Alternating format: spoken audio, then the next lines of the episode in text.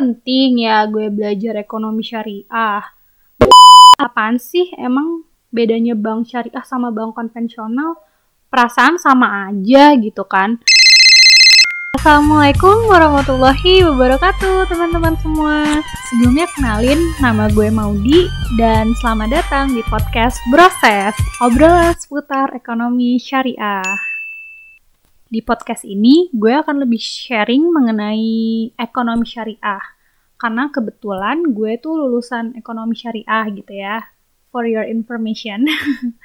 dan emang sih uh, gue menyadari ilmu gue tuh masih dangkal banget dan jauh dari kata sempurna gitu ya. Tapi di sini gue uh, pengen coba berusaha untuk sharing hal-hal yang selama ini gue dapet gitu di baik di bangku kuliah ataupun seminar-seminar tentang ekonomi syariah ataupun diskusi sama teman-teman dan dosen-dosen kayak gitu. Oh iya, hmm, mungkin gue disclaimer dulu kali ya sebelumnya. Uh, tujuan gue bikin podcast ini emang hmm, gimana ya ditujukan untuk orang-orang yang mungkin istilahnya masih awam dalam tanda kutip gitu ya. Uh, ya bukan berarti bukan berarti gue udah expert juga sih ya. Cuman maksud gue tuh eh, podcast ini gue dedikasikan cel. Dedikasikan. Gue dedikasikan diulang lagi dedikasikannya. Aduh maaf ya guys. Untuk uh, intinya podcast ini tuh gue tujukan cie untuk orang-orang yang mungkin belum uh, berkesempatan aja gitu buat belajar ekonomi syariah secara intensif kayak gitu. Jadi tolong teman-temanku jangan dihujat ya guys. Misalnya ngerasa mungkin udah paham gitu. maksudnya kayak ya gue jadi hujat kayak dengan bilang ah itu aja mah gue udah tahu kok gue Susan banget ya maaf ya Iya, tapi maksud gue juga gak menutup kemungkinan buat teman-teman yang emang udah pro gitu ya, misalnya di bidang ekonomi syariah, dengerin podcast ini gitu. Ya, sebagai buat bahan koreksi gue juga nih kalau gue ada salah-salah ngomong atau gimana gitu kan ya namanya manusia mungkin bisa lupa, bisa salah dan selain itu juga bisa juga buat temen diskusi gue juga gitu kan. Gitu guys. Ya intinya sih gue tuh pengen sharing ke temen-temen gitu. Karena kan kebetulan gue juga dulu tuh jurusan ekonomi syariah. Eh gue tadi udah bilang belum sih? Kayak udah ya. Ya intinya gue dulu kan jurusan ekonomi syariah jadi ya waktu itu dijejelinnya ya materi-materi seputar ekonomi syariah. Ya iyalah, you don't say banget. Maaf guys. Nah, kayaknya nih ya, kalau gue pun dulu nggak masuk jurusan ini, gue juga kayaknya nggak akan punya kesadaran diri sih untuk mempelajari ilmu ekonomi syariah ini. Jadi ya bisa dikatakan alhamdulillah banget gue terjerumus di jalan yang alhamdulillahnya jalan yang benar gitu ya. Jadi di episode perdana kali ini uh, sebelum membahas isu-isu yang menarik atau menggelitik gitu ya di dunia ekonomi syariah yang mungkin teman-teman pikir masih ini mitos atau fakta sih kayak gitu-gitulah. Nah, sebelumnya nih, sebelum ke sana gitu maksudnya, gue tuh pengen sharing dulu urgensi dari kenal sama ekonomi syariah tuh apa sih? Kayak semacam apa sih pentingnya gitu gue tahu tentang ilmu ekonomi syariah ini gitu bagi kehidupan gue. Emang penting ya gue belajar ekonomi syariah. Bukannya itu sekedar ilmu tentang dalam tanda kutip maro gitu ya kalau pakai istilah dalam bahasa Jawa kalau teman-teman yang orang Jawa pasti ngerti ya maro Nah, gimana sih sebenarnya ya guys, ilmu ekonomi syariah itu nggak hanya itu aja, ilmu ekonomi syariah itu komprehensif kalau gue bilang. Jadi misalnya gini ya teman-teman, pernah nggak sih ngalamin hal-hal kayak gini? Misal, pas lebaran aja nih, misalnya kita mau nuker uang, pecahan besar gitu, 100 ribu. Jadi pecahan kecil-kecil nih, 2 ribuan, 5 ribuan, 10 ribuan Eh, tapi totalnya cuma 90 ribu tuh pecahan kecilnya kalau dijumlahin. Nah, dengan alibi nih 10 ribunya itu buat jasa si orang pelaku si money changernya itu yang sebagai money changernya. Nah, itu sebenarnya boleh nggak sih gitu kan? Atau pernah nggak sih ngerasa kayak skeptis atau bingung gitu kayak apaan sih emang bedanya bank syariah sama bank konvensional? Perasaan sama aja gitu kan. Nah, akhirnya diajakin orang tua bikin tabungan di bank konvensional ya manut-manut aja gitu. Oh, ini. Atau dulu kebimbangan gue juga misalnya mempertanyakan, emang investasi saham halal tuh bukannya dia gini-gini gini ya. Kayak gitu-gitulah banyak mitos dan fakta. ya mitos dan fakta serem banget. Maksudnya kayak isu-isu gitu yang gue kayak apaan sih tuh? Kayak gitu gitulah pokoknya.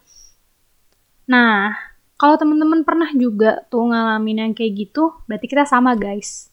Soalnya dulu gue juga kayak gitu. Uh, waktu SMA lah ya. Ya SMA ya sebelum masuk jurusan ekonomi syariah gitu. Punya mindset bener sama. Kayak bank syariah sama bank, bank konvensional tuh menurut gue sama aja. Maaf ya teman-temanku. Ini kan dulu kita lagi cerita dulu gitu jadi waktu itu gue kayak ngerasa ah sama aja perasaan. Jadi ngerasa aman aja gitu pakai bank konvensional karena punya stereotype gitu kali ya kayak ngerasa bank syariah tuh sama aja. Kayak gitu.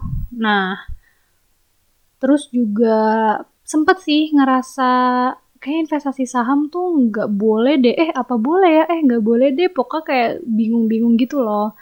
Nah tapi semenjak gue mempelajari ilmu ekonomi syariah ini, gue jadi yang kayak, oh gitu toh perbedaan antara bank konven dan bank syariah. Kayak gitu loh. Jadi ya bisa dibilang mindset gue selama ini salah gitu. Terus juga kayak tentang saham. Gue kayak, oh jadi gitu ya saham. Jadi kayak banyak deh hal-hal baru lainnya yang gue tuh nggak terpikirkan gitu sebelumnya. Padahal ya sebenarnya hal-hal tersebut basic banget gitu. Maksudnya mencakup kegiatan gue ataupun keluarga gue juga sehari-hari. Ya tapi banyak banget juga sih hal-hal baru yang lebih luas dan lebih deep lagi gitu pembahasannya. Dan e, menurut gue juga ya pentingnya ilmu ekonomi syariah ini tuh gini loh. Kalau kita bahas ekonominya aja gitu kan, itu kan membahas simpelnya gitu ya, membahas bagaimana manusia itu memenuhi kebutuhan hidup. Gitu gak sih?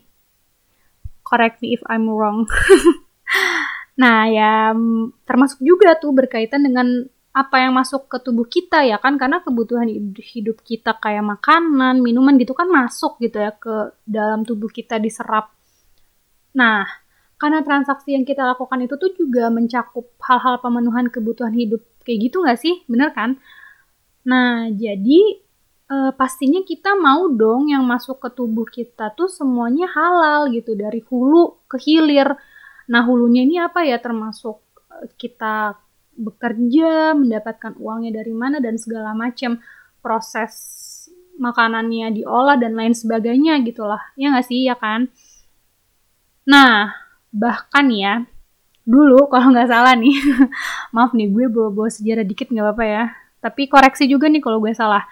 Pas masa Rasul dan sahabat-sahabatnya itu, semua yang masuk di pasar Madinah ya waktu itu, baik penjual maupun pembeli, ya pokoknya semua pihak yang terlibat di sana gitulah ya, itu tuh harus banget banget ngerti ilmu ekonomi syariah atau muamalah gitulah ya. Nah, itu biar apa coba kayak gitu? For the sake of memastikan yang masuk ke badan mereka itu tuh bener-bener halal gitu. Karena didapatkannya dengan cara yang halal juga. Kayak gitu teman-teman. Nah belum lagi nih. Kalau kita galau kayak gue tadi tuh. Kayak duh investasi gue tuh udah bener belum ya? Terus kayak return yang gue dapet tuh udah halal belum sih kayak main saham tuh sebenarnya boleh gak sih return saham tuh gimana sih dan bla bla blanya itu Nah, hal-hal yang kayak gitulah yang bisa kita jawab gitu melalui kita belajar dan kenal sama ekonomi syariah. Kayak gitu, guys. Nah, dari situ aja kita udah bisa lihat ya kayak berguna banget gak sih ilmu ini gitu untuk diri kita pribadi gitu karena ya kaitannya juga dengan diri kita sendiri dengan tubuh kita sendiri kayak gitu. Nah itu baru kalau kita bahas tentang permikroannya gitu. Belum lagi nih ada yang cakupan yang lebih luas guys.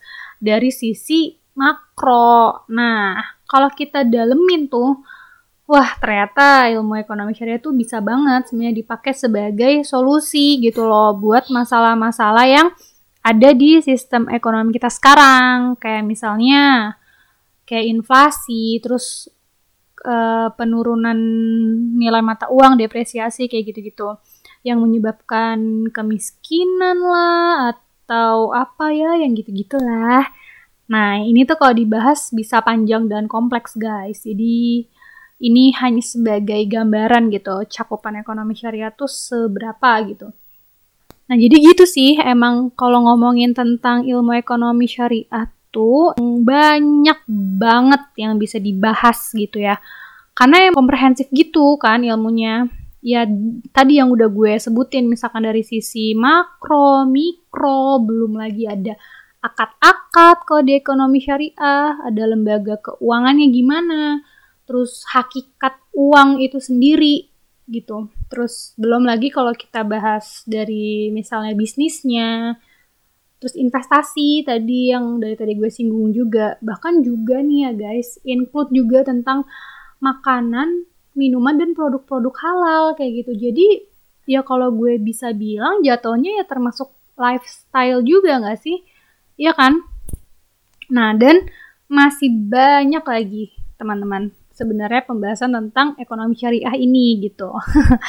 Tapi di podcast ini gue lebih pengen bahas tentang ekonomi syariah tapi dari sisi yang bener-bener relate gitu sama kehidupan kita sehari-hari. Jadi biar kita relatable gitu ya, yang langsung bisa kita temui case-nya di kehidupan kita sehari-hari.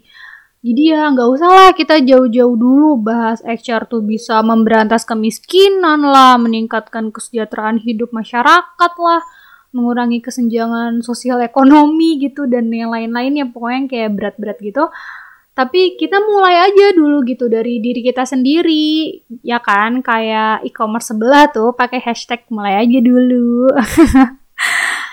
so ya yeah, dari yang udah gue dan kita ocehin dan obrolin bersama di atas tadi, uh, gue pengen ngajak teman-teman sih, uh, gue pengen ngajak teman-teman semua, yuk kita mulai kepoin tentang ilmu ekonomi syariah gitu.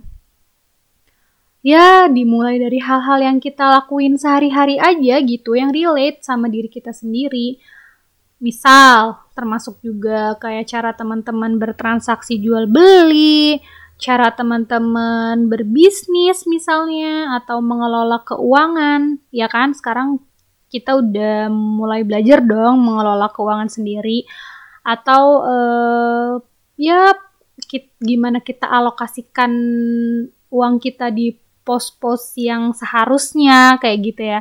Termasuk juga investasi dan sebagainya. Kayak gitu guys. Dan oh iya dan buat teman-teman yang emang udah uh, sempat belajar udah mulai belajar dan ada background ilmu ekonomi syariahnya yuk mau ngajak juga buat ningkatin lagi hazanah ilmu pengetahuannya. Oh apa sih gue so iya banget maaf guys. Pokoknya intinya kita tuh nggak boleh bosen nuntut ilmu. Karena pasti ilmu kita tuh masih jauh lah ya dari yang dari dari apa ya? Dari keseluruhan ilmunya gitu loh. Paham gak sih? Jadi kayak ya ilmu kita masih cetek lah. Kita masih harus banget banget banget belajar banyak gitu tentang ekonomi syariah dan jangan lupa juga dipraktekin dalam kehidupan kita gitu dan kalau emang ada kesempatannya juga ya jangan jangan sungkan-sungkan untuk uh, menyebarluaskannya cia biar makin membumi gitu ekonomi syariah. Ya nggak sih, ya nggak sih? Aduh gue so iya banget nih udah mulai so iya, maaf ya guys. Ya jadi gitu sih teman-teman yang bisa gue sharing untuk episode kali ini. Cila episode. Ini bukan sinetron kok, tenang aja. Jujur ya, dengan gue bikin podcast ini tuh gue berharap banget sih dapat feedback juga dari teman-teman gitu mengenai isu-isu apa sih yang masih menggelitik ya dalam tanda kutip menggelitik teman-teman gitu atau yang masih kayak ngambang gitu loh, ngambang dan bikin ragu gitu tentang ekonomi syariah.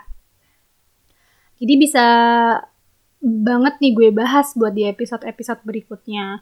So, let me know please guys kalau ada isu yang pengen banget teman-teman bahas gitu ya, bisa langsung approach aja ke gue, lah. Maksudnya ya kasih tahu aja kayak kasih saran gitu, eh baiknya lo bahas tentang ini deh, kayak gitu loh. Soalnya gue butuh banget juga saran teman-teman tentang isu yang relate dan krusial juga gitu. Ya, mungkin segitu dulu sih untuk episode kali ini ya, guys. Semoga bermanfaat buat teman-teman semua. Terima kasih sudah mendengarkan. Wassalamualaikum warahmatullahi wabarakatuh.